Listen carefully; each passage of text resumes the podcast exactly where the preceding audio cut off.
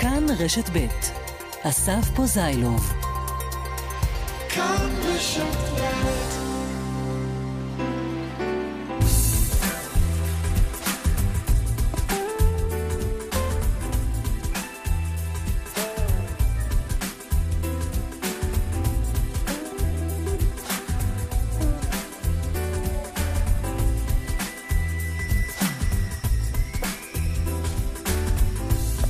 כאן רשת ב', שלום לכם, מועדים לשמחה. בשעה הקרובה, אני מבטיח לכם, לא תהיה מילה אחת על חוסר המשילות, לא על המהפכה המשפטית, לא על מאבקים בחברות ענק מזהמות, בכלל בלי שום אנשים רעים. את כל אלה נשמור לשבוע הבא. אנחנו בתוכנית מיוחדת לחגים, לחול המועד, שמנו את כל העניינים הקשים שאנחנו מדברים עליהם בדרך כלל בצד. עכשיו נדבר רק על אנשים טובים ודברים טובים ומתוקים. הנה אפילו הפתיח קצרצר. המפיקה שלנו, אורית שולץ, יצאה אה, לחופש, אה, היא תשוב בשבוע הבא. מכבד אותנו בנוכחותו הכריזמטית אביגל בשור. הטכנאי, שמעון דוקרקר. בירושלים, הלל רוט. אני אסף פוזיילוב.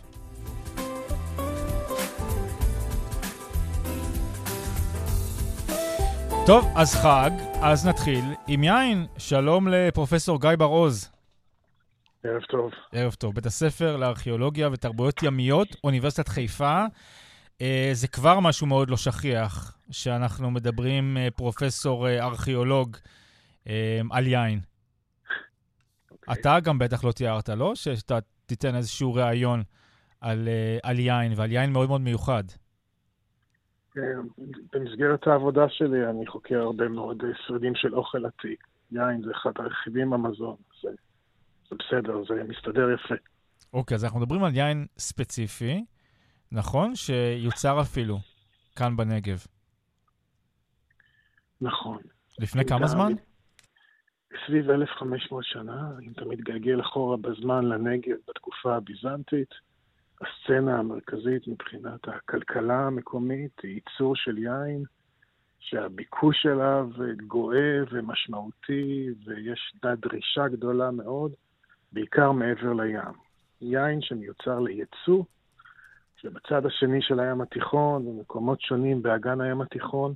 אז אתה אומר, כבר לפני 1,500 שנה ייצרו כאן בישראל, בנגב, יין לייצוא.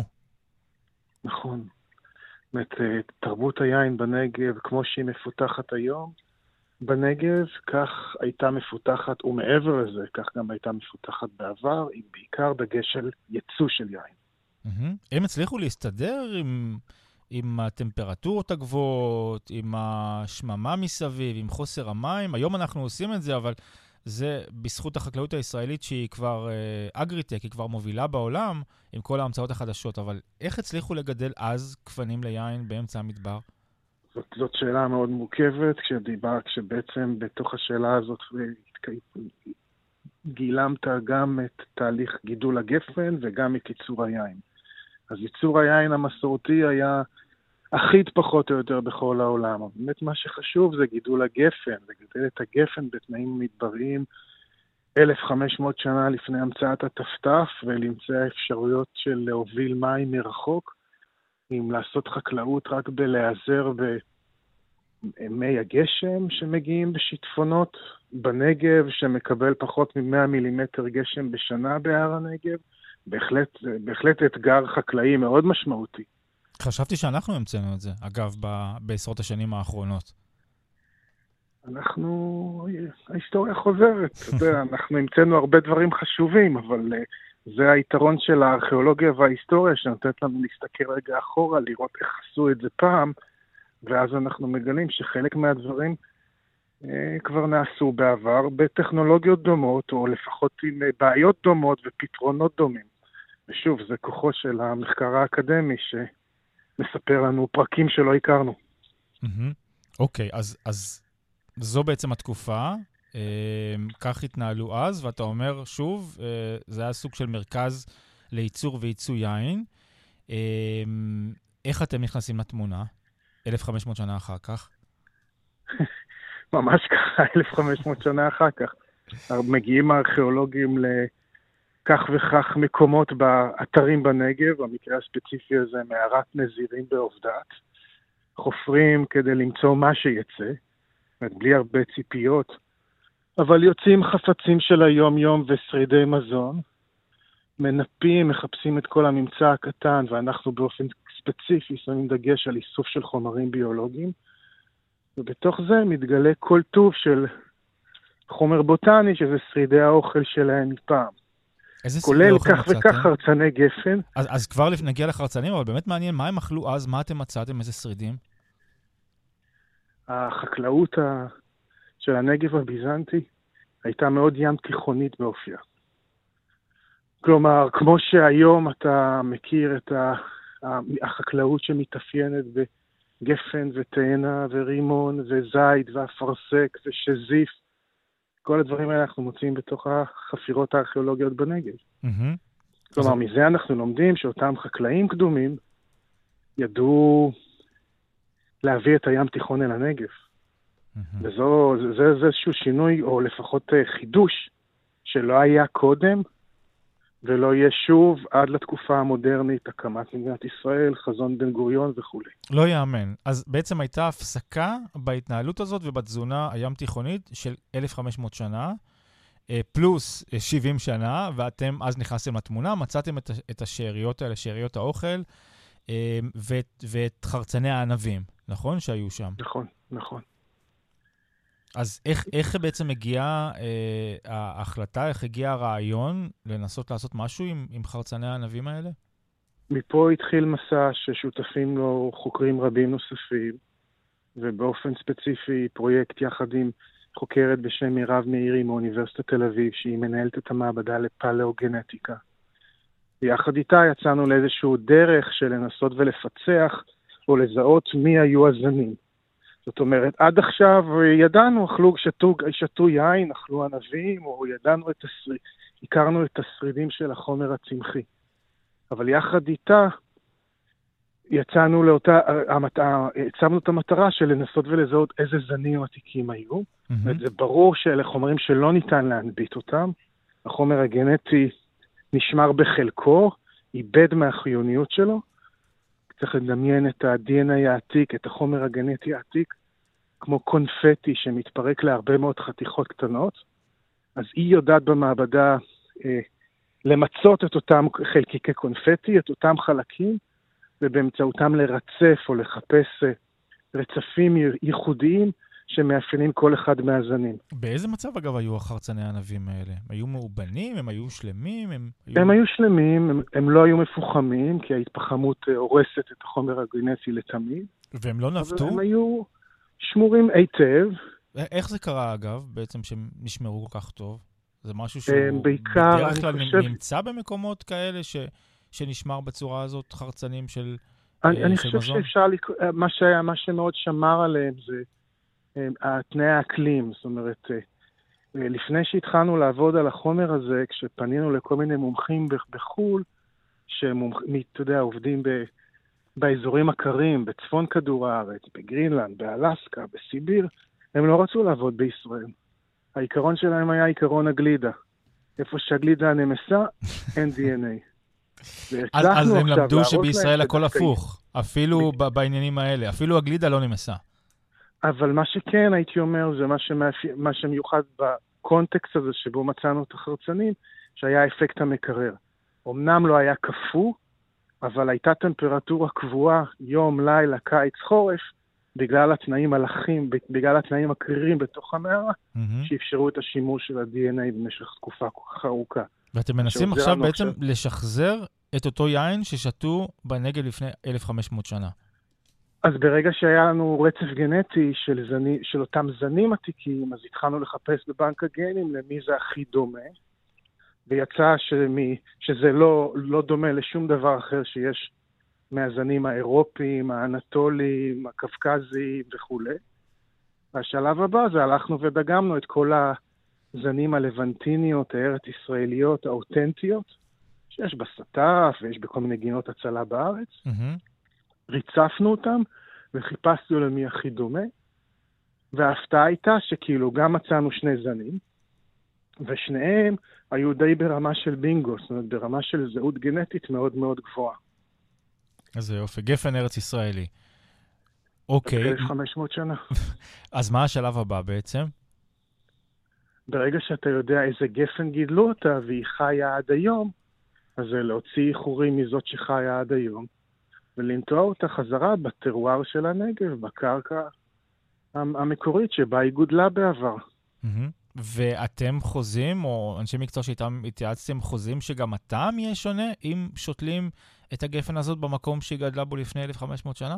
אז אותם גפנים שנתנו הם, הם, לא, הם גפנים שגדלות עד היום ומשמשות ליין באזורים שונים במזרח הים התיכון, ביוון, בלבנון.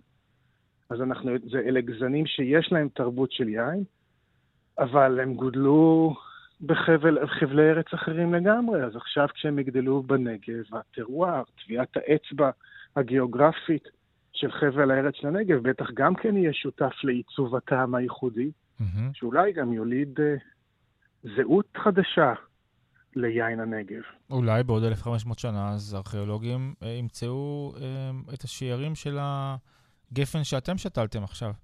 נכון? בעובדת, אזור עובדת. שם הייתה מערת הנזירים, ש... בה נמצאו השיירים, ושם אתם גם שתלתם את הגפנים החדשים. מתי אפשר יהיה כבר ללגום את היין הזה, החדש עתיק? אני חושב שכאילו, סביר להניח שייקח כמה שנים. זאת אומרת, שנתיים עד שהיא תיתן פרי, שלוש עד שיכלו לעשות מזה יין. תוסיף לזה עוד כמה חודשים לפה ולשם. זאת הגיוני ש... אחרי, כן, שתוך כמה שנים אפשר יהיה לשתות אותה. טוב, אז אולי נשוב אליך בעוד שלוש שנים. Uh, מי שרוצה לראות, uh, לראות צילומים של, של המבצע הזה, אז עמיתתנו אילנה קוריאל פרסמה בוויינט uh, ראיון איתך וגם תמונות. נודה לך, פרופ' גיא בר-עוז, מבית הספר לארכיאולוגיה ותרבויות ימיות באוניברסיטת חיפה. אחלה, היה סבבה לדבר, תודה. גם לי, גם לי. מועדים לשמחה. נצא עכשיו לפרסומות, אחריהן נדבר עם אנשים טובים. טוב, אז הבטחתי לפני הפרסומות שנדבר על אנשים טובים, אה, אבל תוך כדי הפרסומות אה, נזכרתי שבין השיחה הזאת אה, לשיחה הקודמת יש קשר מאוד מעניין. שלום, פרופסור יעקב גופס. שלום, שלום, ערב טוב. ערב טוב. לשמחה. אתה מנהל סניף יד שרה בבאר שבע. Uh, נדבר איתך בנושא הזה, אבל לפני כן, אני נזכרתי uh, שיח, על שיחה אחרת שעשיתי איתך לפני כמה שנים. אתה פרופסור לכימיה, כן, בבית ספר לרפואה, כן. כן, בבאר שבע. כן. לפני הפרסומות כן. דיברתי עם פרופסור לארכיאולוגיה, שבעצם כן. מנסה לשחזר אה, זן של, אה, של ענבים וליצור יין, כמו שהיה בשימוש בנגל לפני 1,500 שנה. כן. אתה אה, ניסית וגם הצלחת לשחזר, נכון? אה, אה, נופר זה, תזכיר לי, גומה כן, מהתנ"ך. מנופר, אה, צמח מים, כן, שגדל בירקון בכל מיני מקומות נוספים, mm-hmm. אה, ומשם אנחנו מפיקים אה, חומר שיש לו פעול, פעולות ביו-רפואיות, נקרא להן, כן. שזה בעצם לגלות מחדש את התכונות שלו אלפי שנים אחרי, זאת אומרת, בעת החדשה לא ידעו על התכונות הרפואיות שלו. הספציפיות נכון, האלה. נכון, לא, יש ספרות ענפה של כל מיני צמחים שהשתמשו בכל הדורות, אלפי שנים, שהשתמרו ו... והשתמשו במיצויים של צמחים. והיום מנסים לבדוק מה בתוך המיצוי הזה, זה חומר פעיל, זה חומר שעושה את העבודה. אה, שנלחם בין היתר גם בסרטן, נכון? נכון, נכון, נכון, בין היתר, כן, mm. כן. איפה המחקר שלכם עומד עכשיו? אה, יש לנו פטנט ואנחנו מפרסמים ויש אה, דרך החברה של היישום של האוניברסיטה מחפשים בתעשייה מי שיהיה מעוניין להמשיך ל... ולהפוך את זה בעצם לתרופה, את החומר הפעיל של כן, כן. הנופר, הגומה שאתם כן. גידלתם ב... זה לא הגומה, זה צמח אחר, כן, באנגלית זה ווטר לילי, כן. כן, אבל זה נופר. שגידלתם בשדה בוקר. נכון, נכון. שזה מאוד מזכיר... מים במדבר. כן, כן שזה מאוד מזכיר את, ה... את השיחה הקודמת שלי, אה, אבל איתך רציתי לדבר כן. אה, בעצם על מה שאתה ואשתך עושים. אתם מנהלים את הסניף של יד שרה בבאר שבע, וקניתם כן. בעזרת תרומות דירה שתוכל לשמש בחינם אנשים שמגיעים, לא עלינו, אה, ללוות קרובי משפחה אה, לזמן קצר או זמן ארוך נכון. בסורוקה.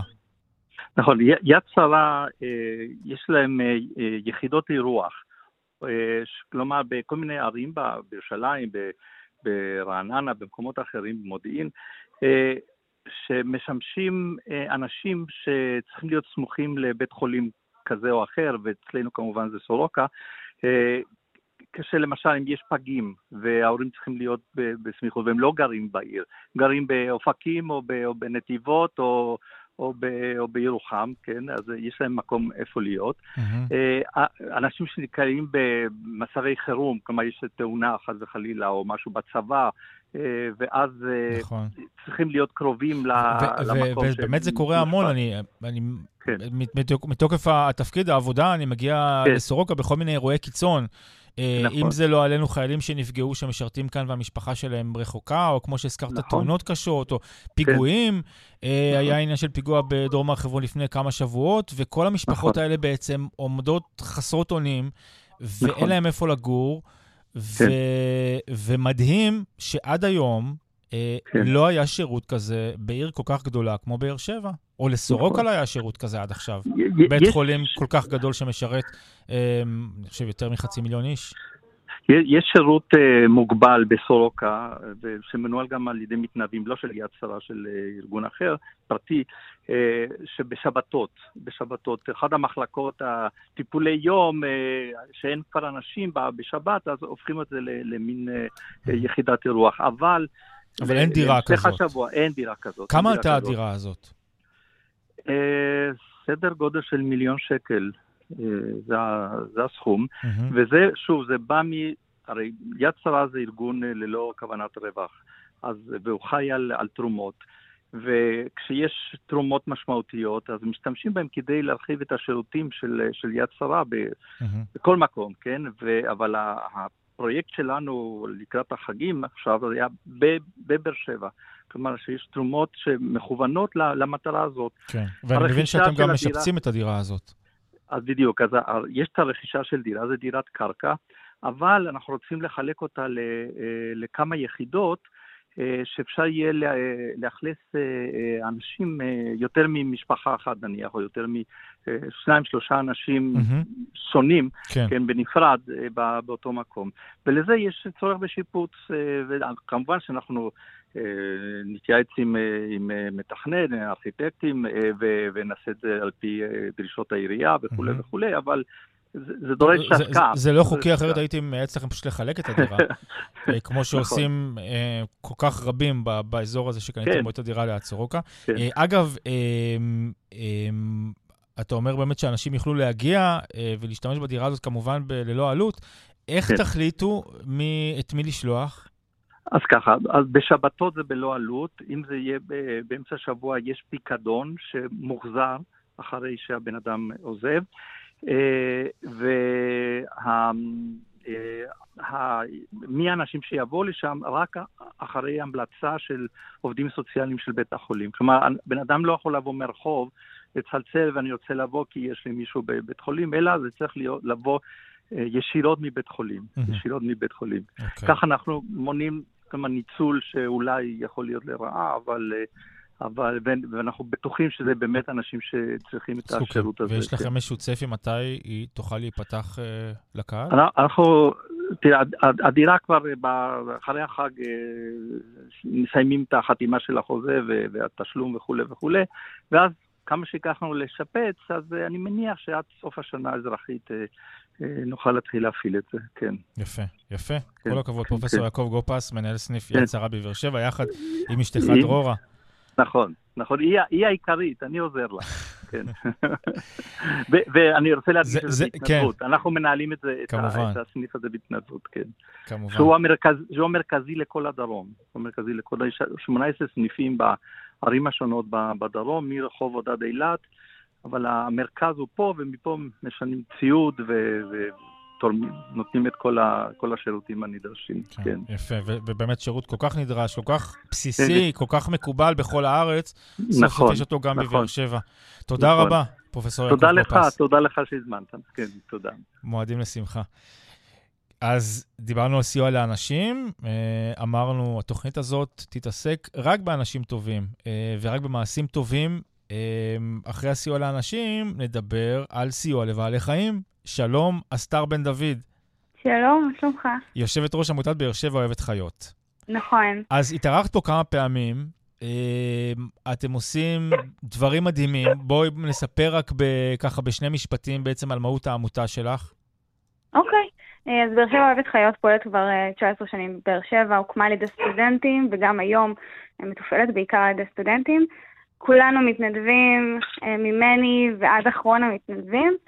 אנחנו פועלים בגדול כדי לשקם את, את בעלי החיים בבאר שבע והסביבה. אנחנו עובדים עם ההסגר העירוני בבאר שבע בשיתוף פעולה מלא, מוציאים כלבים מההסגר לאומנות, לבתים מאמצים, חתולים מההסגר ומהרחובות.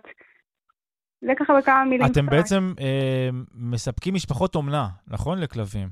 נכון. לכלבים חסרי אומנה. בית. נכון. אה, כמה כלבים יש לכם עכשיו בעמותה? נכון לרגע זה יש לנו אומנה? 45 כלבים פעילים, אה, ובנוסף עוד כמה כלבים שכרגע עדיין לא יכולים לצאת לאימוצים. מעבר לזה, יש בהסגר אה, כרגע כ-120 כלבים, אה, שהם לחלוטין בהרגשה שלנו. אנחנו עובדים כדי למצוא להם בתים כל mm-hmm. הזמן. אלה בהסגר, אה, אבל חוץ מזה את אומרת עוד אה, כמה? אה, 30 אמרת? עוד 40. 40 בבתי אומנה. עוד 40 בכלבי אומנה. ובעיקר מי שמשמש אומנה לכלבים האלה זה סטודנטים, נכון? אז נכון. בזמן שאין סטודנטים בעיר, אז אתם בבעיה. נכון, זה בדיוק השלב הזה. זה ממש אה, נכון לרגע זה. אנחנו תמיד מאזור... אה, ככה תחילת תקופת מבחנים של סמסטר שני, מאזור יולי עד אזור נובמבר חסרי אונים, שזה ממש מה שקורה כרגע. הכלבים שלנו לא מוצאים אומנה, לא מוצאים בתים מאמצים, אה, האימוצים והכל יורד מאוד מאוד משמעותית, אה, ובגלל זה אלה התקופות, אנחנו ממש חיים לפי לוח זמנים סטודנטיאלי. ואנשים לא יודעים, אגב, שכלב שלא מוצא בית, פשוט ממיתים אותו. זה מה שקורה בהסגרים, וגם בעמותות כמו צער בעלי חיים, למשל. אז תראה, צער בעלי חיים זה משהו שאני אניח בצד, זו עמותה שהיא משהו אחר מבחינתי. ההסגר העירוני שלנו עושה איזושהי עבודת קודש. Uh, הכלבים, יש אצלנו כלבים שלצערי נמצאים כבר מעל 600 ימים בהסגר, uh, וכן, אין ספק שגם קורים מקרים וזה חייב לקרות. Uh, וזה לא בשליטתנו. כן. נכון, זה לא בשליטתנו, זה דברים שהם כבר מעבר, זה משרד החקלאות וחוקים של משרד החקלאות, והלוואי שלא היינו מגיעים אליהם, אבל אנחנו מנסים להסתכל על נקודת האור, ולקחת את כל הכלבים שאנחנו כן יכולים לעזור להם ולהוציא אותם לבתים, ודווקא את הכלבים ש... שהם יותר מסירים, להוציא כדי למנוע משאר הכלבים שלצערי קצת יותר קשה להם למצוא בית, למנוע מהם להגיע ל... למשהו כזה נורא, לגורל כזה נורא. Mm, אוקיי, okay, אז, אז קודם שמענו מיד שרה שהם הצליחו להתרים אה, מיליון שקל וקנו דירה בכסף הזה, אתם רוצים הרבה הרבה פחות בשביל בית לכלבים שלכם. חד משמעית. אנחנו מבקשים סכום, אה, נכון כרגע אנחנו עלינו עם קמפיין ביום חמישי האחרון, קמפיין גיוס המונים, אה, על סך 60 אלף שקלים. ב-60 ימים. אה, אני אוריד את זה למונח אה, של מה זה אומר בפועל, כמה כלבים זה מציל וחתולים ומה זה אומר. אה, נכון היום על כל כלב שמגיע מהרחוב ועושה רק את הכמה דברים הבסיסיים, סירוס, סיקור וחיסונים ובדיקת דם, אנחנו משלמים 1,400 שקלים. וואו, זה, על כל זה כלב, המינימום. 1,400 שקל. זה המינימום של המינימום, זה, זה כמונח, אתה יודע, ככה רחב, יש כלבים יותר ויש כלבים פחות, אבל זה הממוצע. ובנוסף לזה אנחנו לוקחים מקרים מאוד קשים מהרחוב. כלבים שנדרסים, כלבים שממש בשבוע האחרון לקחתי כלב שנשברה לו כל הרגל והיינו צריכים לממן ניתוח יקר מאוד, אה, ואלה מקרי הקיצון ש... שאליהם אני מכוונת גם. אזור דרום זה לא, זה לא, אני להגיד, יש פה המון המון כלבים מהפזורה, אה, וההסברה פה היא מאוד מאוד לא טובה. אז אנשים נוטשים המון כלבים, והם מגיעים אלינו גם באופן טבעי. וזה יוצר מצב שאנחנו לא מצליחים להגיע אפילו לרבע, לשישית לדעתי, ממספר הכלבים שמשוטטים מהם ברחוב, וזה נורא. זה... בעצם הדרום הוא אזור שבו יש את מספר הכלבים הנטושים הגדול ביותר, נכון? וגם את ההתעללויות הכי קשות והכי אכזריות בבעלי חיים בכלל ובכלבים בפרט. נכון, חד משמעית. שהסיבה היא בעצם אה, בעיקר הכפרים מסביב לבאר שבע, או בכלל בדרום, הכפרים היא, בדרום. הסיבה היא, זהו, בדיוק, הכפרים בדרום באופן כללי, אה, וגם, גם מעבר לזה, כמו שאמרתי קודם, זה חוסר הסברה. גם אם יש אנשים טובים בכפרים האלו, שלאו דווקא הם מתכוונים להרביע את הכלבה שהם מצאו, וכן מטפלים בה, אבל הם לא מבינים את הצורך בסירוב סיקור, והם גם לא מצליחים באמת אה, להבין את המשמעות של כלב. מבחינת אה, מגזרים מסוימים, כלב הוא חיית שמירה או בהמה. אז אנחנו כאן כדי להסביר אחרת, ואנחנו כאן כדי לנסות להפוך את אזור הדרום למקום שנוכל להכיל את אה, כמויות הכלבים האלה. Mm-hmm. אבל זה, זה בלתי אפשרי בלי הסברה וזה בלתי אפשרי בלי אה, איזושהי תמיכה הרבה יותר רחבה בארץ. אז, כן. אז כאמור, אז הגיוס שלכם אה, מקווה לקבל 60 אלף אה, שקלים תוך חודשיים. אה, כמה נכון. גייסתם עד עכשיו? אנחנו כרגע ב-7,400 שקלים, שזה מיום חמישי. אה, זה לא, לא הרבה. אנחנו באמת אה, מנסים לתת פוש כמה שיותר, אה, אבל זו סביבה מאוד מאוד עשירה ב... בבעלי חיים ובית פעילי בעלי חיים, וכל אחד צריך את העזרה. ב-60 אלף איש שיוכל לעזור לכמה, הסכום הזה יוכל לעזור לכמה כלבים? בחישוב שלי זה בערך 40, משהו כזה, או... נכון, לחלוטין. הסכום הזה יכול להחזיק אותנו מבחינת פעילות עוד בערך חצי שנה של, של החזקת כלבים. זה עדיין לא, לא משמעותי וזה עדיין לא מעלה לרמת ההצלות המאוד גדולות. אבל זה אוויר לנשימה מאוד משמעותי. בדיוק. זה מה שאנחנו כרגע מחפשים, אני צריכה, צריכה כרגע עזרה. אוקיי, איך אפשר uh, להגיע אליכם כדי לתרום, או כדי להתנדב? אז קודם כל, אנחנו נמצאים בפייסבוק ובאינסטגרם, אפשר לכתוב בשניהם עמותת באר שבע אוהבת חיות ולמצוא אותנו. Uh, מעבר לזה, הקמפיין שלנו, אפשר לחפש בגוגל הצלת uh, כלבי וחתולי הנגב, uh, ולהגיע אלינו, אנחנו בגיבבק, באתר של גיבבק, ומעבר להתנדבות, אפשר לפנות אלינו במדיה, ואנחנו נמצאים כל שבועיים, עושים ימי אימוץ אה, ממש פה בבאר שבע, במרכז מורים. אפשר להתנדב בהסגר העירוני, להגיע להוציא כלבים שמתים לצאת החוצה. אה, ובגדול, תמיד לפנות אלינו, אנחנו מחפשים אמנות, אנחנו מחפשים בתים מאמצים, אה, אנחנו חייבים אתכם, חייבים אנשים. טוב, אז שוב, אם אתם רוצים לסייע באמת לנשמות אה, טובות וטהורות אה, שרק רוצות אה, לחיות, אז או שתגיעו, אם אתם יכולים, לעמותת באר שבע אוהבת חיות, קחו, גם אם אתם לא גרים בבאר שבע, לא צריך רק להציל את כלבי הדרום. אפשר לעשות את זה גם כמובן בכל מקום אחר בארץ, עם כל עמותה, עם כל הסגר עירוני. וספציפית חפשו באר שבע בית חיות כדי לתרום להם. מה, מה התרומה המינימלית שאתם יכולים לקבל לסטאר? אה, יש שם תרומות על סך 20 או 30 שקלים, אה, וכמובן מי שרוצה לתרום פחות, גם אופציונלי, אפשר לפנות אלינו ולתרום גם פחות, כל תרומה היום תעזור. אוקיי, okay. הסטאר בן דוד, יושבת ראש עמותת באר שבע בית חיות, תודה רבה לך. תודה לך. וכוורת חוגגת השנה 50 שנות פעילות. Boca.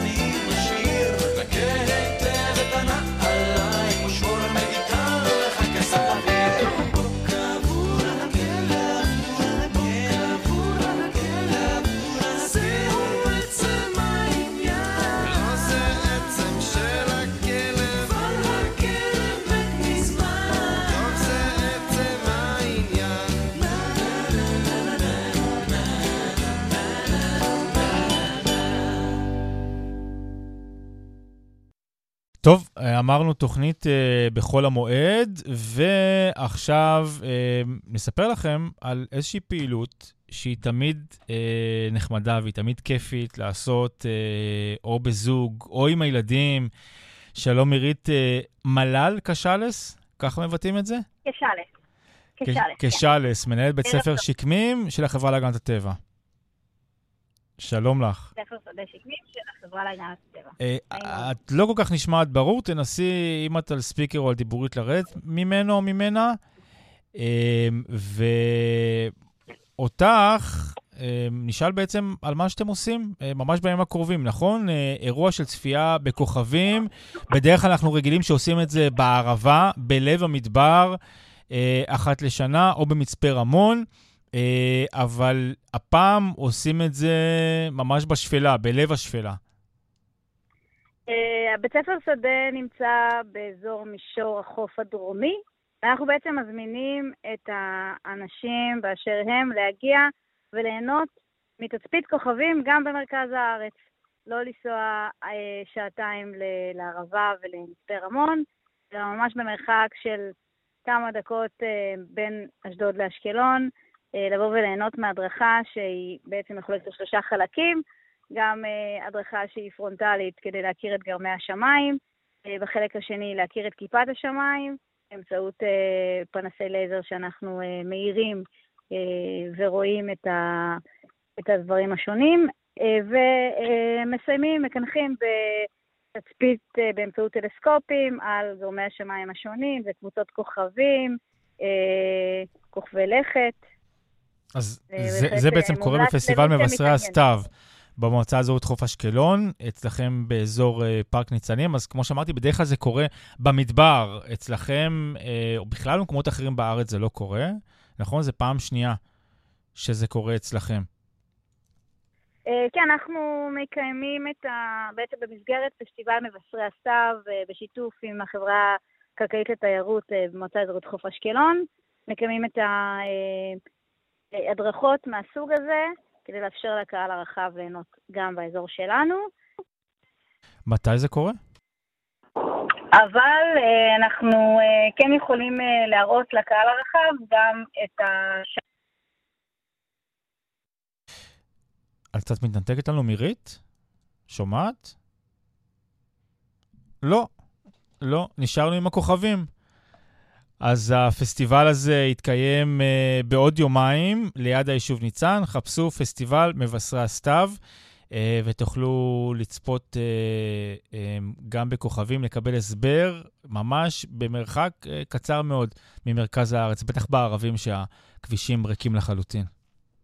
thank you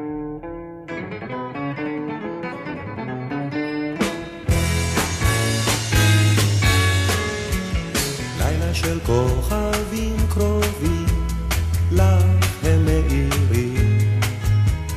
לילה של כוכבים טובים, לך הם זוהרים.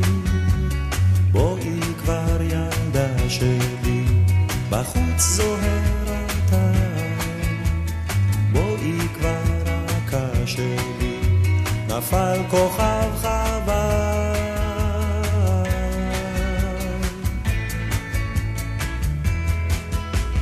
השחר מתקלח במקלחת של צבעים, פרפר נושק לפרח, וזה נעים, נעים, נעים.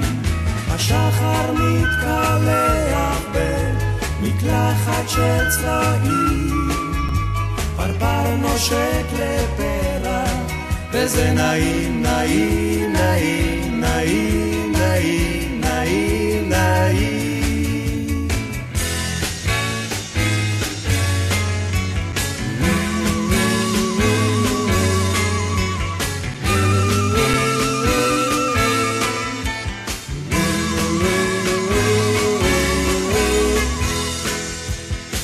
לילה של אגדות טובות, לך הם יספרו. לילה של אהבות לך הם ישמרו. בואי כבר ילדה שלי, בחוץ זוהר הטל. בואי כבר רכה שלי, נפל כוכב חבל.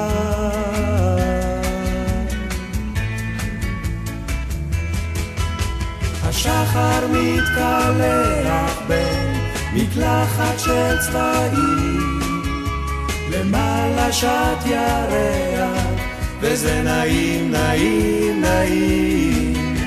השחר מתקלח במקלחת של צבעים, למעלה שט ירח, וזה נעים, נעים, נעים, נעים,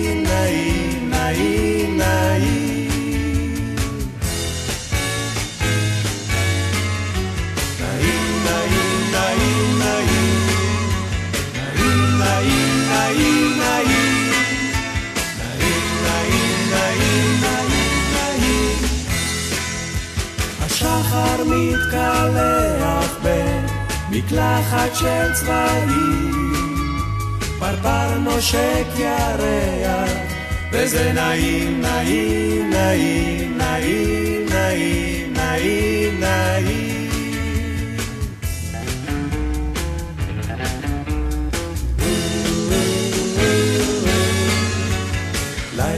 טוב, נספר לכם עכשיו, חוץ מהכוכבים, על עוד איזושהי פעילות לעשות אה, בימים הקרובים של אה, החג, של חול המועד. מכוכבים לכוכב מיכאל, עודד שרעבי, שלום.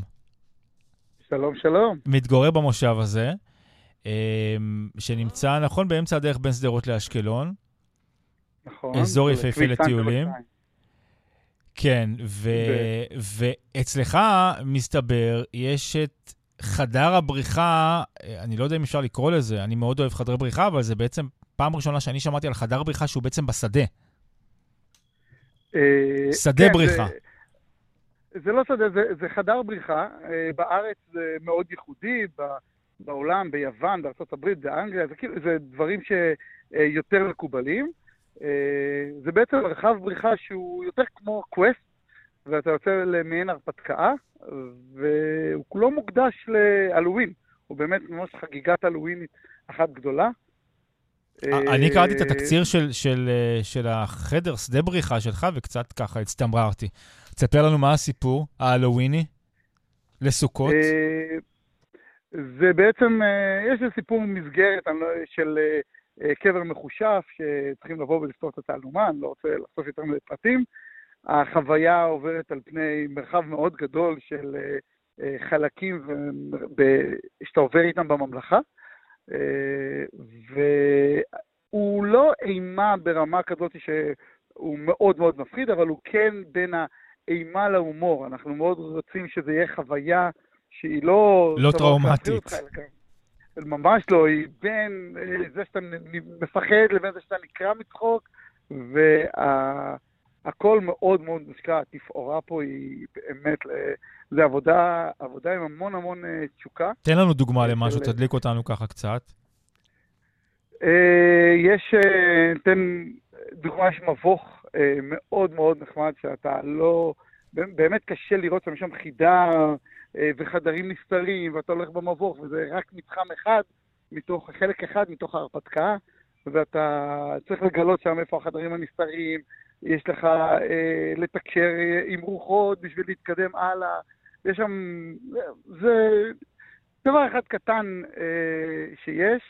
אמ, והחוויה עצמה, זה עצם העובדה שזה בלילה, התאורה, התפאורה שהיא חלק בלתי נפרד, החידות ה... שהן לא שיא הטכנולוגיה, אבל המורכבות שלהן וה... ועצם האיכות, כמו שאתה אומר, השוני. הזה שצריך לפתור חידות התעלומה בשדה, בחוץ, בלילה, אה, זה כבר זה עושה... לא ממש שדה, זה לא ממש שדה, יש. לך מרחבים, יש לך בית קברות, ויש לך יער מחושף כזה, ויש לך עוד אה, בית רדוף, ויש... אה, זה לא ממש שדה פתוח, אלא זה באמת מתחמים ומקומות מאוד מאוד מושקעים, ואתה צריך לעבור בין, אה, ממש ביניהם, לדעת לאן אתה הולך לפי הסיפור. נשמע מקסים. שום דבר לא מכוון אותך בדיוק לאן ללכת. אה, לאיזה גיל-. אה, גילאים זה מתאים?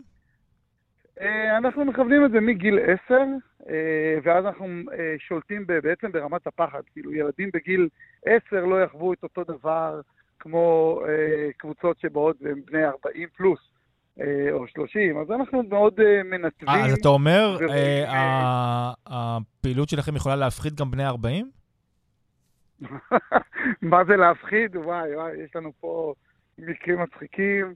אה, בהחלט. בהחלט. לי אחד, חוץ מזה שעכשיו אה, יצא לך צחוק שקצת מפחיד, כן? אבל. תן דוגמה למקרה מצחיק, מצחיק מפחיד. היה לנו, היה, לנו, היה לנו קבוצה של ארבעה, אה, שתי זוגות, שנכנסו בעצם למבוך, ובמבוך אתה לא רואה מה קורה שם, ויש כל מיני אלמנטים במבוך שמבהילים, מפחידים, יוצרים איתך אינטראקציות, והזוגות שם צרחו את הנשמה, ועכשיו הקלטנו את זה, כי זה היה כל כך מצחיק, הסרטנו מבחוץ. וואו, זה היה אחד הדברים הכי מצחיקים, הם התחילו לתקשר ובינם ובין עצמם, ואף אחד לא יודע מי נוגע במי, ומי נוגע, והם נבהלו מעצמם, מעצם העובדה שמישהו נגע לה בכתף, וואו, איזה צרחות, והוא אומר לה, זה אני, וכאילו כל התקשורת היא בלי שהם רואים, אתה ממש לא רואה לאן אתה הולך ומה קורה. ומי קופץ עליך? מאוד- מה, לא, אף אחד לא קפץ עליו, אף אחד לא קפץ עליה, זה Mm. פשוט מאוד, הם נגעו אחד בשני, הם כאילו הזוגות התקדמו, אז הם נתקעו אחד בשני והם נבהלו כל כך. זה היה פשוט מאוד ה- הסיטואציות היותר מצחיקות, כי לא עשינו כלום, הם פשוט הלכו הם לבד. הם היה- את עצמם, הם עשו את העבודה. מה זה? ממש, ממש, זה היה אחד, אחד, אחד הסיטואציות היותר מצחיקות. פשוט מאוד בהחלט עושה עמדנו חשק. בחוץ ונקראנו מצחוק. כן. אה, איך אפשר למצוא אתכם, עודד שרעבי, ברשת?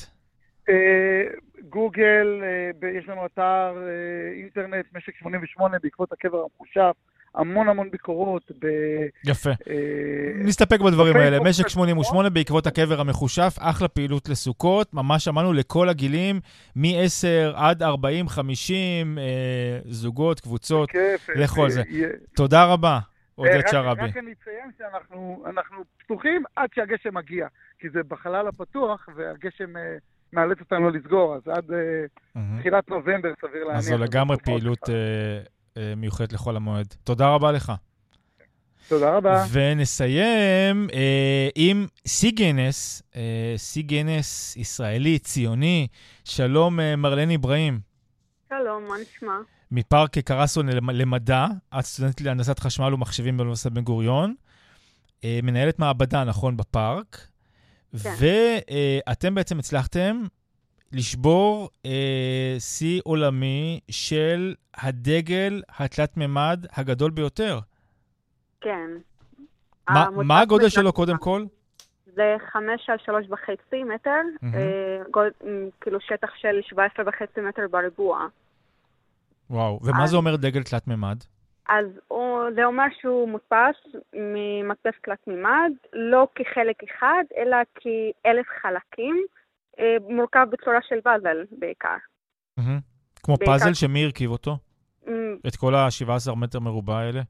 אז אה, כל, כל בן אדם שלקח חלק מהפרויקט הזה, היה לו את ההזדמנות להרכיב, ולא רק מישהו הדפיס חלקים, אלא גם לקהל הרחב. היה אירוע בפארק קרסטו ב-27 לחודש, שהזמנו אנשים, תבואו להיות חלק מהפאזל גם, להרכיב את הדגל, ואנשים באו עליו ואמרו, אנחנו גם חלק ממשהו גדול, ושברנו שיא גינס ביחד.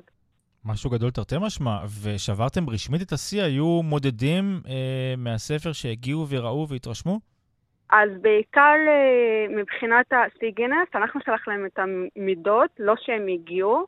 אנחנו בעיקר קיבלנו את האישור לפני, אז אה, נשאר רק לשלוח להם את הפרטים ששלחנו להם כבר, ומחכים לתשובה שלהם, להגיד לנו, אנחנו כן שברנו, ויש לנו את השיא העולמי.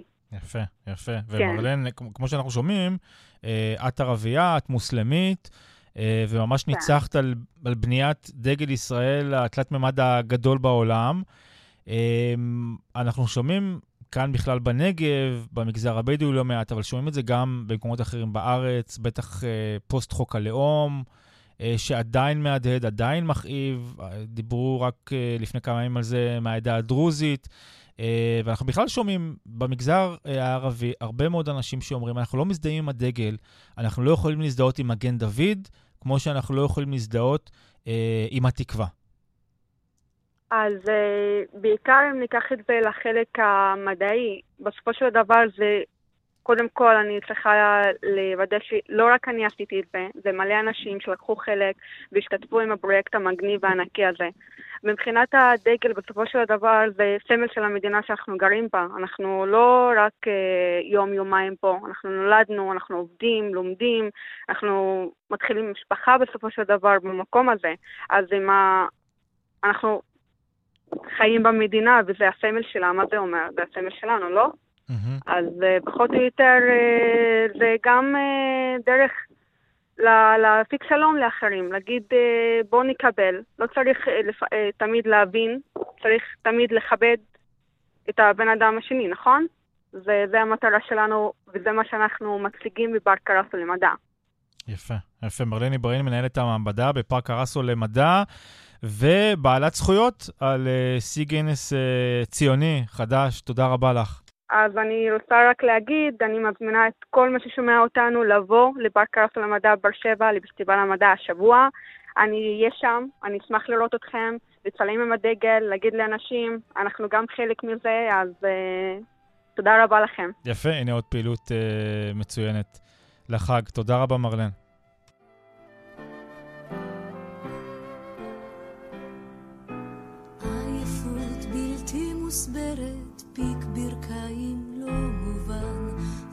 שעה שלא חוזרת לעולם, אבל בלבך אתה יודע שמעבר לפינה אהבה חדשה ממתינה. אחרי החגים יתחדש הכל, יתחדשו וישוב